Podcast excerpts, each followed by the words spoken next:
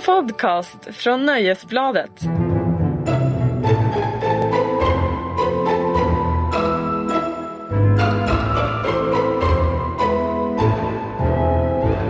Hej alla Game of Thrones-fans och välkomna till Nöjesbladets superpodd Tronspelet. Där vi snackar om Game of Thrones. Eh, Det är eh, tv-nörden Sandra Weibro Hej hej. Och eh, rockjournalisten Marcus Larsson. Stämmer bra det. Och så är det jag, eh, Aftonbladets fantasyexpert Magnus Edlund. Eh, det är vi som eh, kommer sitta här idag och spoila skiten ur Game of Thrones säsong 6 avsnitt 1. The Red Woman. Exakt. Jävlar vad vi ska spoila. Har du inte sett avsnittet du som lyssnar? Ja, men då får Stäng de av. sluta. Sluta lyssna nu i så fall. Stopp. Sen eh, kan du komma tillbaka och lyssna när du tittar på avsnittet. Idag ska vi som sagt gotta ner oss i säsongspremiären. Eh, vi kommer prata om Sansa och Brian och Ramsey och alla de där snubbarna uppe i Winterfell. Eh, det kommer bli lite Daenerys som har skaffat nya kompisar eller om det är fiender, det är lite oklart. Eh, vi kommer snacka Cersei, lite Jamie, lite Arya, lite Tyrion och eh, såklart en jäkla massa Jon Snow och Melisandre. Det låter helt fantastiskt. Eller hur? Absolut. Vilket succéavsnitt. Ja, verkligen. Eh, vi har ju faktiskt fått mail. Alltså innan vi drar igång kanske vi ska säga det. Vi har fått mail. Helt otroligt. Den, denna moderna uppfinning. Ja, det var Vi har funnits sedan knappt börjat och vi 40-talet. har redan fått en läsarreaktion. Precis. Det här kan vi, alltså, himlen är vår enda gräns efter det här. Eh, det är Ida, Ida som har mailat in till oss. Och hon skriver Åh, vad härligt med Game of Thrones-podd. Det här, jag vet inte om det här är hennes röst, men jag antar att det är så här. Vi gillar Ida redan. Ja. Eh, halva nöjet är ju att försöka lista ut vad som ska hända och ha fullständigt fel. Eh, den här podden tog hjälpa mig med det. Tack, skriver hon. Jag vet inte, var det där ett beröm? Det, Det, stora nöjet är att ha fullständigt fel. Då kommer den här podden hjälpa. Ja, det, är- det är en, en, en, Att- en förolämpning gömd i en komplimang. Du ska alltid vara så negativ, Marcus. Nej, men det, det ska inte alls vara. Tack Ida för, det, det, det, för, Ja. för det. För det är ju lite vårt mål, att försöka hjälpa. Hon, skrev, hon skrev väl något mer. Men du Ja. är lite osäker om du vill läsa upp det. Alltså det var ett väldigt långt mejl, eh, vilket vi uppskattar. Vi gillar långa resonemang. Eh, men det är ju så här att, ja, dels skriver hon så här. Eh, med risk för att göra bort sig totalt inför kvällens avsnitt, alltså då första avsnittet. Jon Snow måste vara Azor Ahai. Och vem fan är det undrar ni då? Jo, det är ju Melisandres religions Jesusfigur. Den som Melisandre trott varit Stannis under alla dessa säsonger. Men som då Exakt. inte är Stannis eftersom Stannis är död och var en jävla döda sitt barn och grejer. Mm, precis. Och ja, det finns ju vissa tecken som kanske tyder på att Jon Snow är någon sorts messiasfigur. Och sen Eh, vill inte du prata så mycket mer om det här för nej, att men- det här är någonting, det här är ledtrådar ni har hittat i böckerna, ni som har läst böckerna. Och det, Precis. inte, det har inte riktigt etablerats i tv-serien. Nej, det har inte alls fått samma vikt i tv-serien. Och det, grundfrågan är vem är Jon Snows mamma? Aha. Det är grundfrågan. Och, och om man vill, eh, ni som lyssnar där ute, ni vet säkert redan det här. Ni kan googla eh, till exempel Game of, Game of Thrones och R plus L lika med J. Det finns alltså teorin i sig har en förkortning som är R plus L lika med J. Så om ni vill veta mer, kolla där. Men jag tror, liksom, jag tror vi ska inte nysta in oss i det här i podden. Nej. Inte än i alla fall. Nej, det finns eh, vissa indikationer på att det kanske kommer tas upp under säsongen. Så vi kanske får anledning att återkomma till det här. Men eh, härligt att få, att få ett mejl från Ida. Och, eh, Tack, hon, Ida. Ja, verkligen. Hon hade ju mejlat till eh, tronspelet aftonbladet.se. Det tycker jag fler ska göra. Verkligen. Och man kan ju också kontakta oss genom att hashtagga tronspelet. Till exempel på Twitter eller andra sociala medier. Eller det allra roligaste. Vi har en stödtelefon. Ja. Och vars ringer man då? Eh, man ringer 08 725 23 57. Och dit kan man ringa om man just har sett ett avsnitt och bara behöver gråta ut. Om man är arg på något vi har sagt eller vill berömma oss eller har en rolig teori. Exakt. Eh, så Det är högt i tak. det är verkligen högt i Och vi tak. lovar att lyssna på allt. Så, eh, Mejla på för fan. Ring på. Eh, hashtagga på, det är bara att köra.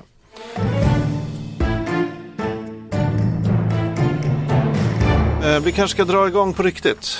Absolut. Marcus, vad har du på hjärtat? Jo, jag tar, tar hand om den här storybågen med Sansa Stark och Brienne av Tarth och Reek. Just Det är ju så här att, att Sansa och Reek hoppade ju från eh, en mur i slutet av förra säsongen, den femte. Och hör och häpna, de överlevde. Bröt inte ens ett ben verkar Nej, snön var mjuk. Och här i, i, i det här avsnittet så, så, så, så flyr de genom en kall skog och genom ett kallt vattendrag från då Ramsey Boltons män och hundar. Men så kommer det här ögonblicket då som, som många av oss har väntat på. Eh, att Sansa Stark äntligen förenas med Brienne av Tarth. Alltså- Brienne av Tarth är ju lite av avsnittets MVP eh, enligt mig. Hon är ju och räddar den stackars Reek och Sansa. Och eh, äntligen får hon svära sin trohetsed till Sansa Stark. Efter hur många säsonger då Magnus? Ja, tre och en halv kanske? Tre Exakt. i alla fall. Och då låter det så här. Lady Sansa, I offer my services once again. I will shield your back and keep your counsel and give my life for yours if need be. I swear it by the old gods and the new. And I vow that you shall always have a place by my hearth and Meat and meat at my table. meat and meat at my table. And I pledge to ask no service of you that might bring you dishonor. I swear it by the old gods and the new. Arise. Ja, det var ju vackert. Vackert. Det, det var fint. Alltså jag måste säga, för att, eh, alltså jag jublade. Du jublade. För att citera Alexandra Fuentes Bergström. Jag, jag jublade. Jaha, men eh, ja, jag, jag, jag tyckte det var ganska fint. Alltså, äntligen får ju Brianna Tarf göra något annat än att bara stå och vänta på ett tänt ljus i ett fönster. Precis, man har ju ändå längtat efter det här ögonblicket. Men framförallt vad jag undrar här, kommer det här nu, för det här vet jag att du, du och jag Magnus och du och, du och jag Sandy har pratat lite om. Är det nu det kommer ske att Sansa Stark blir en nyckelspelare i den här historien? För hon har ju genom hela Game of Thrones varit en, en stackars stackars sate. Blivit utnyttjad, skändad, bortbytt, använd som valuta, våldtagen. Man undrar, får hon sin, kan hon äntligen liksom, kan manusförfattaren vara lite snäll mot henne? Och, och, för, för annars, vad, vad är det för poäng med hennes karaktär? Vad tror ni? Det känns ju som att eh, Sansa kommer utvecklas i någon slags eh, lite mer liksom härskartyp. Att hon, hon har härdats nu under Ramsay och det kommer nog komma mer för henne. Så det känns som att hon kommer liksom växa och det är många kvinnor som har liksom verkligen tagit steget fram nu. Mm. Hela liksom första avsnittet där det känns som att det är de som dominerar. Verkligen. Men absolut, men var det inte, är det inte på tiden? För, för man misstänker ju att nu ska liksom, nu tror man att, att Sansa Stark har kommit in lite, lite, liksom så här, är lite, lite trygg. Och då brukar ju Game of Thrones handla om att då går det illa för en. Står man ut med att det går mer illa för Sansa Stark? Hon har ju haft det lite jobbigt, det har hon. Jävligt jobbigt snarare. Eh, jag tror att, ja det kommer gå illa för henne men jag tror inte på samma sätt som tidigare. Jag tror hon kommer liksom ta makt över sitt eget liv. Och hon har ju mycket att vara arg för. Hon har mycket att, vara, mycket att vilja hämnas. Hela hennes släkt är liksom död eller borta och ingen vet var. Eh, så jag tror, eh, jag tror det kommer bli mycket blod i Sansas eh, framtid. Och inte hennes eget. Men det, är ju, det du var inne på Sandra, det är ju verkligen ja, kvinnornas avsnitt på något sätt. Förutom eh, Sansa så har vi ju eh, Sand Snakes och eh, Elaria Sand som dödar lite. Men det kanske vi återkommer till sen. Jo men det, så är det ju, men annars skulle den här serien vara helt meningslös om det inte skedde någon sorts utveckling. Och den utveckling jag tror är ju liksom att, att, att de kvinnliga karaktärerna kommer ta över och förmodligen skapa en ny och bättre värld. Är vad jag vill hoppas Om på. det finns något kvar av ja, världen. om det finns något kvar av den. En ny och bättre fantasyvärld kanske ja, ja, ja, jo, jo, men okej, en ny och bättre värld som inte finns. Jag menar, det är ju overkligt, herregud, sluta nu. Sandy. Men, men bara just därför att vi återkommer till det så måste man ju ändå också nämna eh, i den här storybågen Ramsey Bolton. Vår favorit. Ja, ja, ja, men alltså, han, han, det är så roligt när man läser på nätet, då- verkar det som att nu börjar han visa lite känsla. Han, han sörjer ju, vad heter hon, Miranda, som kastades ner av Reek, eller Fion. Han, och han, han, han verkar visa lite så här känslor. Alltså, Jag sa att de Av- gjorde en stor sak av det på alla recaps, jag är ju lite tveksam. Av Ramsay mått mätt Ja. eventuellt. Innan han liksom vill tycka att de är bra mat till hundarna. Nej, exakt. alltså han, han är ju ledsen på samma sätt som ett barn vars favoritleksak gått sönder. Men grejen med Ramsey Bolton då? För att han ska liksom vara, fortsätta vara seriens mest hatade figur så måste han ju, då måste han ju öka våldet och ondskan. Det är ju det de gör säsong för säsong. Vad kan han göra som, i år som, han, som vi kommer hata honom ännu mer för? Han kan döda sin pappa. Ja, okej. Jag Men- vet, vet inte om vi kommer hata honom för det eftersom pappan är rätt vidrig också. Jag har en grej. Det ska ju tydligen finnas ett halvsyskon som ligger och gräddas inne, inuti en kvinnas mage i den storybågen. Just det, i, han, hans, eh, i farsans, farsan Boltons fru, nya fru. Hon, Just det. det, det är sant, det har jag nästan glömt bort. Precis. och, och vore det eh, inte ganska ondskefullt om han försökte innan ens ett barn är fött och döda fostret? Det känns ju som att farsan Bolton håller på att provocera. Liksom. Han håller på att nämna det där barnet hela tiden. Mm. Att om inte du shapar upp så har vi en nyare. Så det känns lite grann som att han provocerar honom. att det, det kommer ju liksom explodera på något sätt. Men ju- Bolton för att säkra sin position skulle det vara rätt bra. Alltså både som värsta skurken och sin egen position i den här fiktiva världen. Eh, så vore det ju bra om, om, den, om han liksom, vad säger man, sprättade upp den här kvinnans mage och dödade fostret framför kamerorna. Ja, det här är ju något som absolut kan hända. Oh, orkar inte mer sånt här. Vad fan. Ja, Vis, Ah. visste ni för övrigt att Ramsey Bolton som spelas av Owen Rion tror jag från Wales. Visste ni att, att han, han eh, ursprungligen var tänkt för rollen som Jon Snow? Visste jag inte. Nej. Visste ni att han, eh, hans karaktär Ramsey Bolton är inspirerad av Heath Ledgers Jokern, Dennis the Menace och Liam Gallagher i rockbandet Oasis? Dennis the Menace. Det var jävligt otippat. Ja. Lilla killen med röda byxor och slangbella. Japp. Och det här är kanske det mest skrämmande av alla. Sen kan vi lämna det här. Ja. Jag vill bara delge detta eh, fruktansvärda faktum. Han gör folkpop på fritiden. Ibland själv och ibland tillsammans med sin bror. Ja, han släppte sitt debutalbum, eller ja, sitt första album i alla fall. Ja, ett debutalbum. Jag tror det uttalas Dinard. I fjol, finns på Spotify och jag har lyssnat. Och vad säger rockjournalisten Marcus Larsson? Jag tänker inte lyssna igen. Det är väldigt brittiskt och det är väl någonstans talangfullt men jag, jag ja, lyssna själva om ni är intresserade. Du tänker, bara, Ramsey. du tänker bara Ramsey Bolton. Liksom. Nej, han låter mycket varmare och så och, och har en akustisk gitarr. Du vet sådär trubadur nere på puben. Men det är ju- vore ju typiskt Ramsey Bolton att ha ett band. Bara för att få massa bekräftelse. Och sådär. Ja, ja, ja. Liksom kunna, han sparkar inte trummisen, han flår trummisen.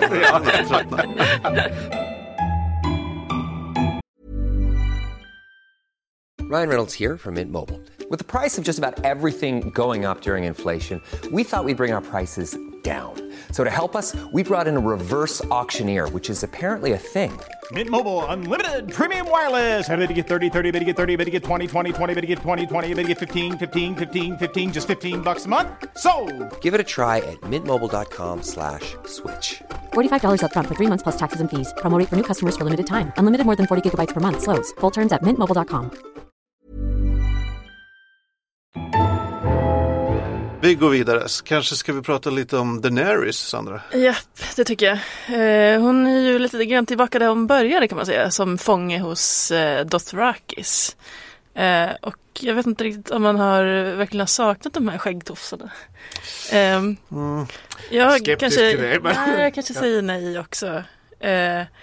Och hon har även då vandrat från Irland till någon slags öken på nolltid, om man kollar på liksom miljön. Men det hade Magnus är liksom, en förklaring till. Vad var den? Ja, in, innan vi s- satte oss här så sa jag bara, det är fantasy. exakt, du förklarar. Där kan det, en vulkan kan ligga bredvid en vad som helst. Ja, ja, whatever. Man kan inte vara så petig med tid och rum och sånt. Nej. Nej, nej, nej, nej, nej. Men apropå det. Tänk ni på hur konstigt tiden har passerat. Förlåt att jag bara hugger in här. Men uppe i norr, typ en 30 sekunder har gått mellan förra säsongen och den här. Uh, Cersei, hon har fått liksom, hennes hår har växt ut. Det måste ju ha gått månader. ja, ja. Ja, skitsamma. Ja, Ja, men det det är det, tid och rum liksom. Det är, hår växer snabbare. eh, ja, och hon, eh, Daenerys piskas lite av sina fångvakter och de drar lite skämt och våldtäktsskämt är alltid härligt. Verkligen. Eh, ja, det är ungefär som ett sedvanligt svensk Finland-Sverige. hon har precis. eh, så det är först när hon eh, berättar att hon är Kaldrogos änka som hon får lite respekt. Eh, och de ska placera henne i någon slags änkestad. Det här är oroväckande. Ja, det är lite oroväckande Verkligen. faktiskt. För att man hoppas ju verkligen inte att det kommer bli liksom någon massa avsnitt där hon hänger i den där änkestaden med andra änkor. Det låter sådär. Ja men då låter det som att den här, det är som, den här ökenvandringen som hon har, det har ju pågått några säsonger nu som aldrig tar slut. Att de nu hittar på ett nytt sätt att förlänga att hon kommer in i spelet på riktigt och tar sin hord och drar och bankar lite skalle så att säga. Det värsta som kan hända är att hela den här säsongen går åt till att hon är ja, i enkestaden om vi kallar den det. Och att inget händer där, att det bara är en sån här stalling teknik liksom för att ja, nu, för hon kan ju inte komma till Westeros för då börjar liksom the endgame. Ja det måste få ske i nästa säsong. Ja, så eller då nä- skickar de henne till en enkestad. De kom på det bara. Alltså den, eh, den har ju diskuterats tidigare, Jaha. den är nämnd tidigare. Men hur värdelösa är hennes drakar? Alltså drakarna ska ju liksom så här, de ska ju förändra spelplanen men de två sitter inlåsta i, i, i någon vanlig så här grotta med lite kedjor. Och den tredje bortskämda osnutna tonåringen eh, Han hjälper ju bara henne, henne då och då. Och nu är han bara mätt och trött någonstans. Nu ser, jag, nu, ser, nu ser jag hur det liksom ryker ur Magnus huvud. vi- Någon det förolämpar hans Det drake. är några saker vi måste tänka på här. De här drakarna är ganska unga. Okej, ja, ja, de de är- är unga. Men sen när de kläcktes i slutet av säsong ett, hur, många, hur lång tid kan det ha gått? Två år kanske? I- Jag vet sen inte. dess. Så de är, de är ju liksom barn fortfarande. Ja. Deras- Han är väl ändå en tonåring. Det- Han är ju pytteliten. Ja men han drar ju ut, han kommer ju inte hem när föräldrarna säger att han ska komma hem. Stannar borta med kompisar, han kanske inte har några kompisar. Ät, alltså, han gör allt som en tonåring håller på med. Va, vad heter han den där svarta? Drogon. Drogon ja. Ja, han kanske är, vi säger- han är 13 år säger vi att han är. I, i, motsvarande i drakår. Då. Drakår. Ja, vad fan. Men det jag menar är, de är ju inte vuxna. Nej det är uppenbart Alltså, att det- de inte, de tänker ju för fan inte på, sin, på sitt eget bästa eller vem de tjänar. Alltså det är ju så här, de, de, de cementerar att, att, Khaleesi är det värsta, alltså hon, det är som att hon sitter på tre kärnvapen. Men, men det, det är snarare som att hon sitter på tre så här femöresmällare som vägrar liksom tända. Nej men grejen är, hon har ju inte dresserat dem. Hon har ju bara låtit dem vart. Hon har ju inte tränat dem. Det är ju som att du köper tre kamphundar och sen blir så här, li, lite oro, så här förvånad så att ja, men jag kan inte kommunicera telepatiskt med mina kamphundar och nu drar de iväg och biter folk runt här och här. Jag Men i fantasyvärlden borde det ju ändå någonting. Jag är sjukt besviken på drakarna. De kanske får återuppstånd, eller vad heter det, åter, upprättelse. Kanske Ja, jag hoppas det. De måste ju börja liksom jobba på riktigt snart. För det, här är, det här är, eller hur Sandy? Det här, att Enkestad, hur låter det i dina öron? Eh, det låter ju extremt tråkigt faktiskt. Och en annan sak som man inte har eh, saknat med eh, de här Dothrakis, det är den här debatten då om rasism, orientalism i liksom skildringen av de här liksom mörka människorna. Eh, och eh, ja, men hur de bara liksom, ja, men bara för att de är lite så här, har liksom någon slags orientalisk känsla så är de jättepilska hela tiden och ska våldta folk och så. Så Ja. jag hoppas ju att för den, för den skull också att vi får slippa Eller kanske att de gör en lite smartare bild av Dothrakis. Men det Ja, verkar, exakt. verkar ju inte riktigt så i En det här lite- första avsnittet. Men... Nej, verkligen inte. Eh, Det var väl i säsong ett som det var jättemycket debatt om, om det här. Att de skildrades som liksom vildar som bara hade sex lite hur som helst. Och så här, att de vidarebefordrade så här. Ja, För de andra Sunkiga. vildarna i norr som är vita, de är ju också barbariska men på ett annat smartare uttänkt De vill sätt. inte hålla på och ligga hela tiden, eller? Jo, men de våldtar också. ja, det gör de. Ja, Men de kanske har inte, jo de har pratat om det en del också. Men de är påklädda medan de pratar om det. Det kan ju bero på att det är Det är väl det. Annars vore ju den här serien helt overklig. Alla är nakna och bara går runt. Hej hej. Å andra sidan, men, Ja, nej, men vi får se. Jag, jag kan hålla med kritiken att Dothraki-folkslaget har varit lite, ja, men så här, de är som seriefigurer, så här, serievildar. Så.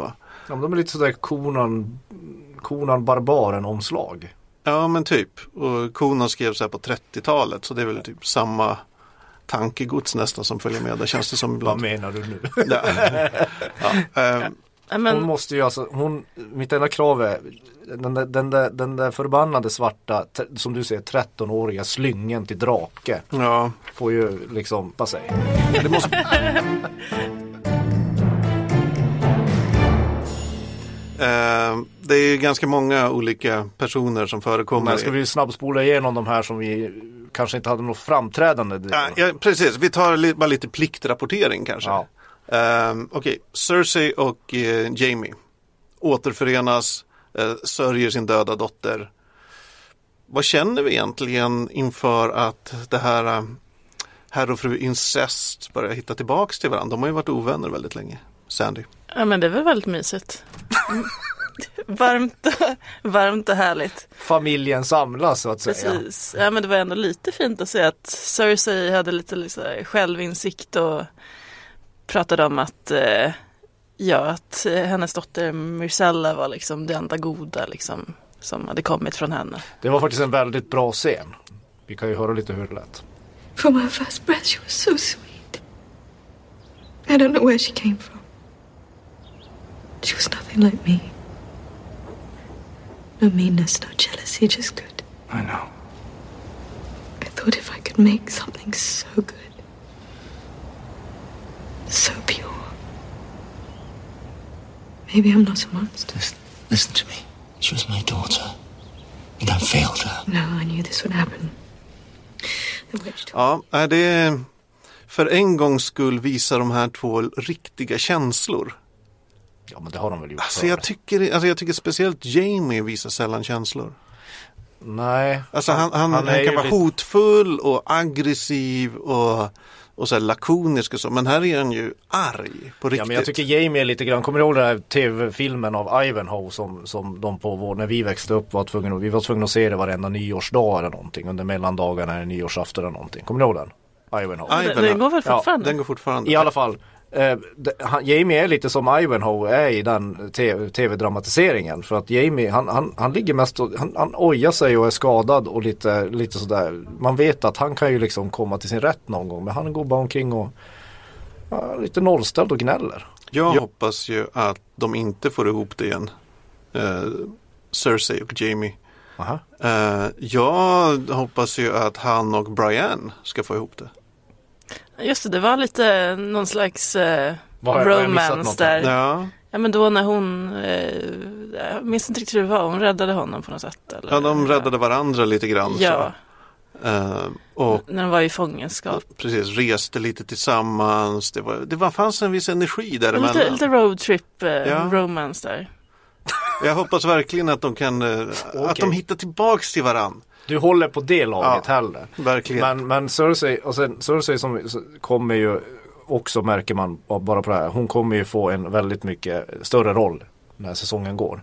Oh de, ja. här, de här sekteristerna hon som har, som har skändat henne och, och, och liksom anklagat henne för ditten och datten. De kommer få smaka på yxan höll man på att säga. Eh, Okej, vi- mer, lite mer pliktrapportering. Dorn, Snark, Ilaria Martell, eller vad heter Nej, Ilaria Sand heter hon ju. Eh, dödade Dorian Martell. Ja men alltså Dawn, Och sen lite Sand Snakes som dödade Tristane. Ja, det var där det var lite död. Tristain fick en, en något väldigt vasst genom ansiktet. Ja. Ja, in genom bakhuvudet, genom ansiktet.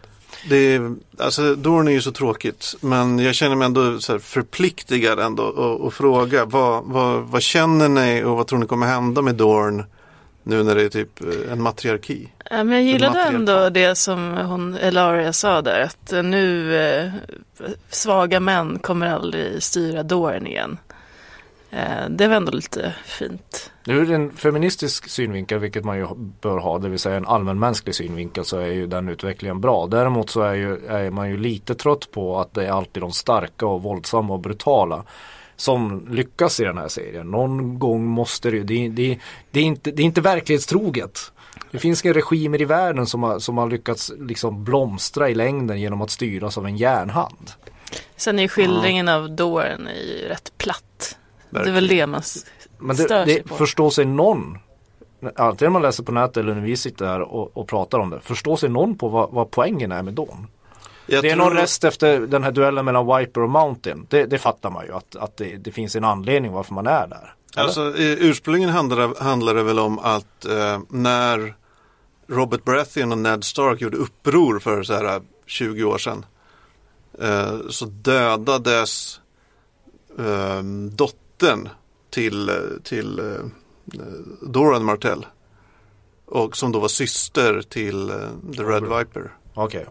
Eh, och där började en, en, liksom, en massa grudge bild, byggas upp. Det blev dålig stämning. Ja, och, och den nuvarande härskaren Doran då, han är ju bara, ja men fred, fred är bra. Medan eh, hans familj kanske bara vill ha hämnd. Bra att du säger det, men det där storybågen är ju så tråkig. Alltså den är ju, Ja, men det, det är lite så här. Det är lite som, det, det, det, är, det är liksom den här seriens motsvarighet till hemorrojder eller, eller fästingar. Det är liksom totalt poänglöst. men nu när kvinnorna tar över kommer alla meninister sluta att eh, alla mansaktivister kommer de bojkotta Game of Thrones nu. Intressant teori, men, men de har ju några, några kvar att hålla på. Ja, det, det finns några män till. Ja, Okej, okej, vi, nu snabbar vi på de här tråkiga lite. Eh, I Marine, uh, Varys och Tyrion, de är, går runt och är lite oroliga. Och så brinner flottan upp i hamnen. Ja, det är ju kanske ingen liten sak att flottan ligger upp handen, men där är man också orolig att, att Varys och, och, och, och Tyrion strandar igen. Och bara blir två snubbar som sitter och tänker och dricker och ja, Går runt. går runt och funderar. Eller vad tror du? Absolut, det känns lite farligt där. Men om, om det nu inte är så att de blir attackerade utifrån, vilket du hade en te- teori om det, Magnus? Jag tror ju att det är um, familjen Greyjoy som attackerar. Och vad baserar du den teorin på? Ah, vad ska de annars göra? De kommer ju dyka, Nej, men de kommer ju dyka upp i den här eh, säsongen. Ah, det kanske finns, det nya kanske finns lite saker jag kommer ihåg från böckerna också som eh, kan hinta till det här. Eh, Du sitter och stilar nu. Du, du, vi ska, vad, vad är det här? Du är alltså den enda i det här rummet som har läst böckerna. Ja. Så nu sitter du och är så här ful.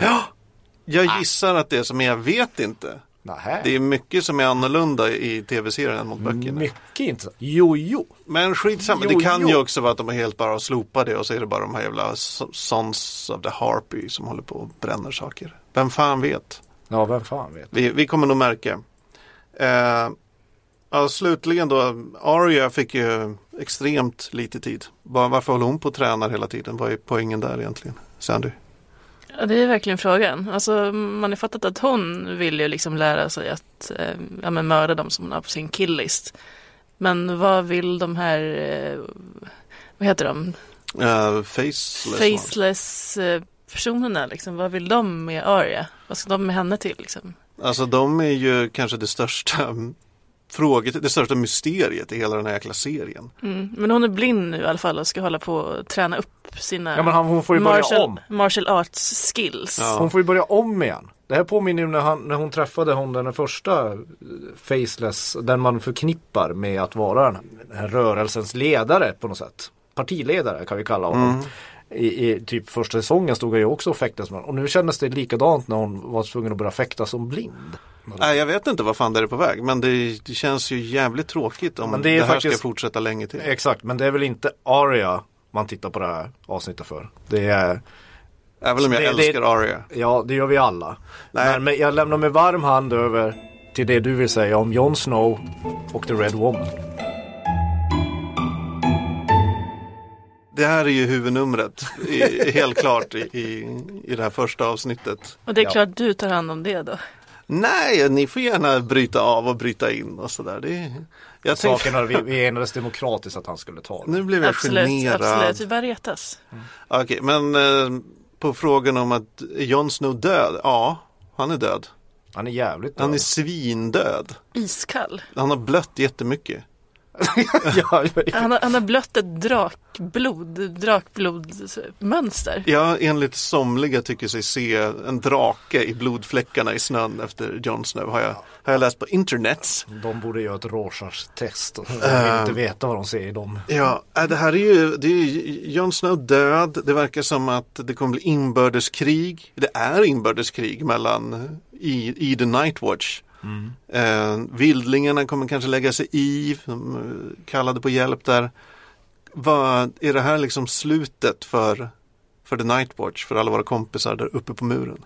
Ja, jag hoppas det med tanke på att de har dödat Jon Snow. En av de få karaktärer jag De, bryr de mig om. ligger lite risigt till just nu. Ja, de, vad är de? Det är typ fyra pers och en varg. I, Exakt. i, I ett litet rum. Ja, och det, är- vadå, det är väl inte så mycket kvar av de här nattväktarna heller. Vad är det så här, f- 40 pers? Ja, jag vet, det är ett slitet jäkla sällskap. ja, så det är inte så många. Även i bästa fall, hur ska de ens lyckas stå emot en här av odöda? De har ju en ganska stor vägg och, Ja, det är väl det då. och, och, och, ja, men, och försvara. Jag, jag förstår inte. Jag förstår inte Ja. logiken i det. Nej. Fast eh, Sir Davos sa ju ändå att de har ju en, eh, en, ett hemligt vapen i den där röda kvinnan. Eh, Innan vi tar Melisandre som är, måste ändå säga var kanske det mest intressanta i det här avsnittet. Eh, Eftersom Jon Snow inte hände så mycket med honom, han bara låg där. Eh, Men först, det finns en, en ganska intressant teori om Jon Snow. Eh, Okej. det, Äntligen. En till. Ja, Det, fin- det finns många teorier om Ja. Jon Snow om man googlar lite. Kommer nog Bran, Oh ja. ja, Ja. han har ju en förmåga att kunna hoppa in i sin varg. Minns, kommer ni ihåg? Ja, ja, jo, jo. Ja. precis. Han har till exempel tagit över Hodor också. Exakt. Bran är ju det lilla, lilla eh, handikapp... Barnet som inte kan gå. Ja. Precis. Som har försvunnit norrut och Eh. syntes inte till på en säsong. Syns inte till i det här avsnittet heller. Nej, En av de kvarvarande Stark-barnen. precis. Han kan ju flytta sitt medvetande in i andra varelser. Det är liksom hans gåva.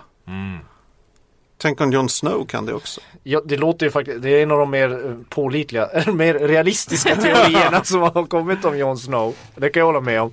Men varför skulle Davos och de kvarvarande som, som var Jon Snow trogna, varför, är, varför vaktar de hans kropp så mycket undrar jag?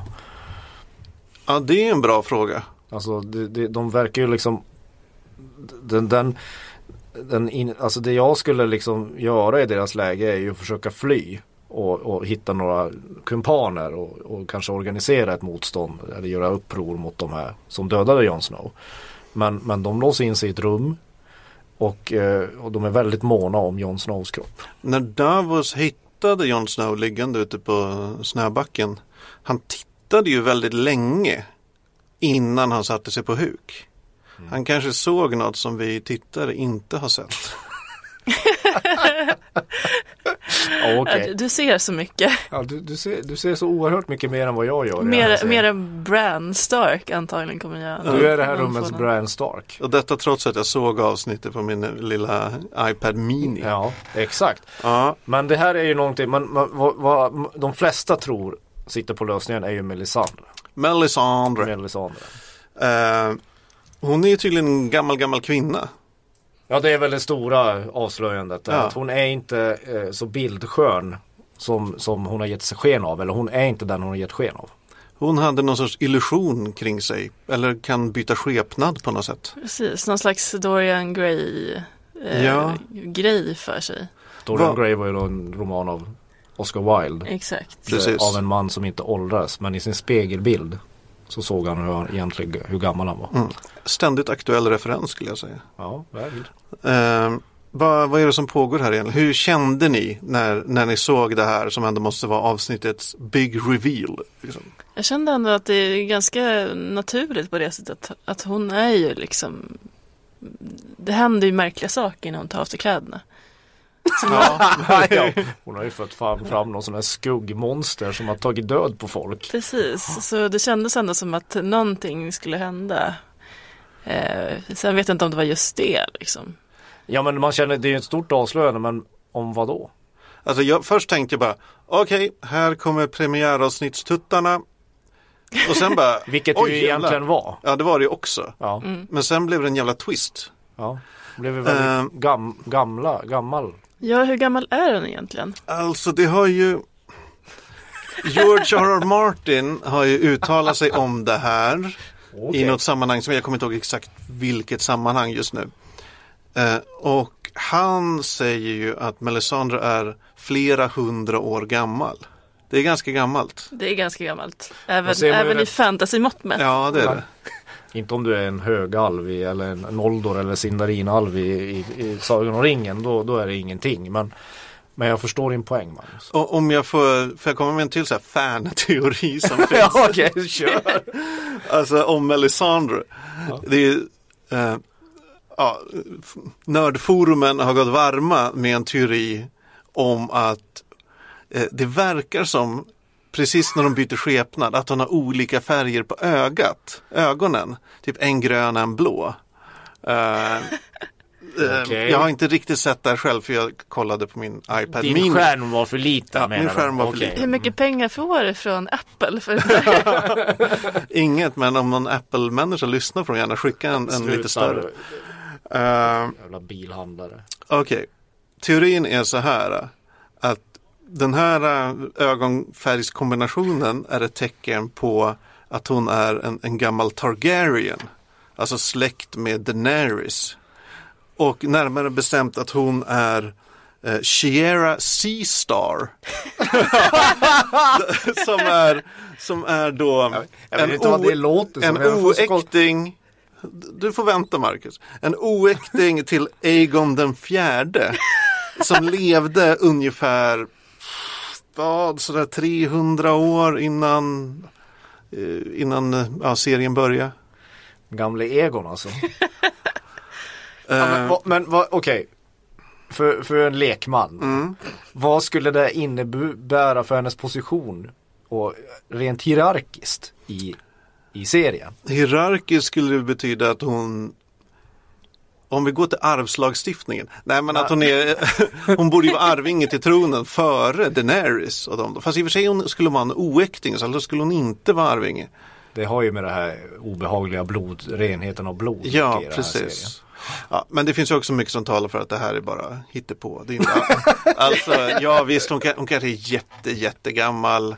Eh, men är det inte i något avsnitt som hon eh, säger att hon eh, sålde som slav när hon var barn? Och det gör man ju inte om man är så här hög adel riktigt. Om man inte är en oäkting då kanske. Eller Ja, blir förskjuten av sin familj. Ja, hon är ett mysterium. men, men alltså det, de håller fortfarande kvar, även om, om serieskaparna eh, lovar och svär och Kit Harington som spelar Jon Snow att Jon Snow är död. Jag har sett ett klipp när serieskaparna sitter inför kameran och säger vi lade med jättemycket tid på att pupillerna skulle vidgas när han dog. Alltså i, i, i den kamera, kameravinkeln de hade då. Att det skulle fångas. Så att det, det, det råder ingen tvekan, han är stendöd. Men de lämnar hela tiden dörren öppen. Även i det här avsnittet att ja, kanske inte ändå. Och just eh, Melisandres eh, åldersgrej här, liksom, är hon odödlig då?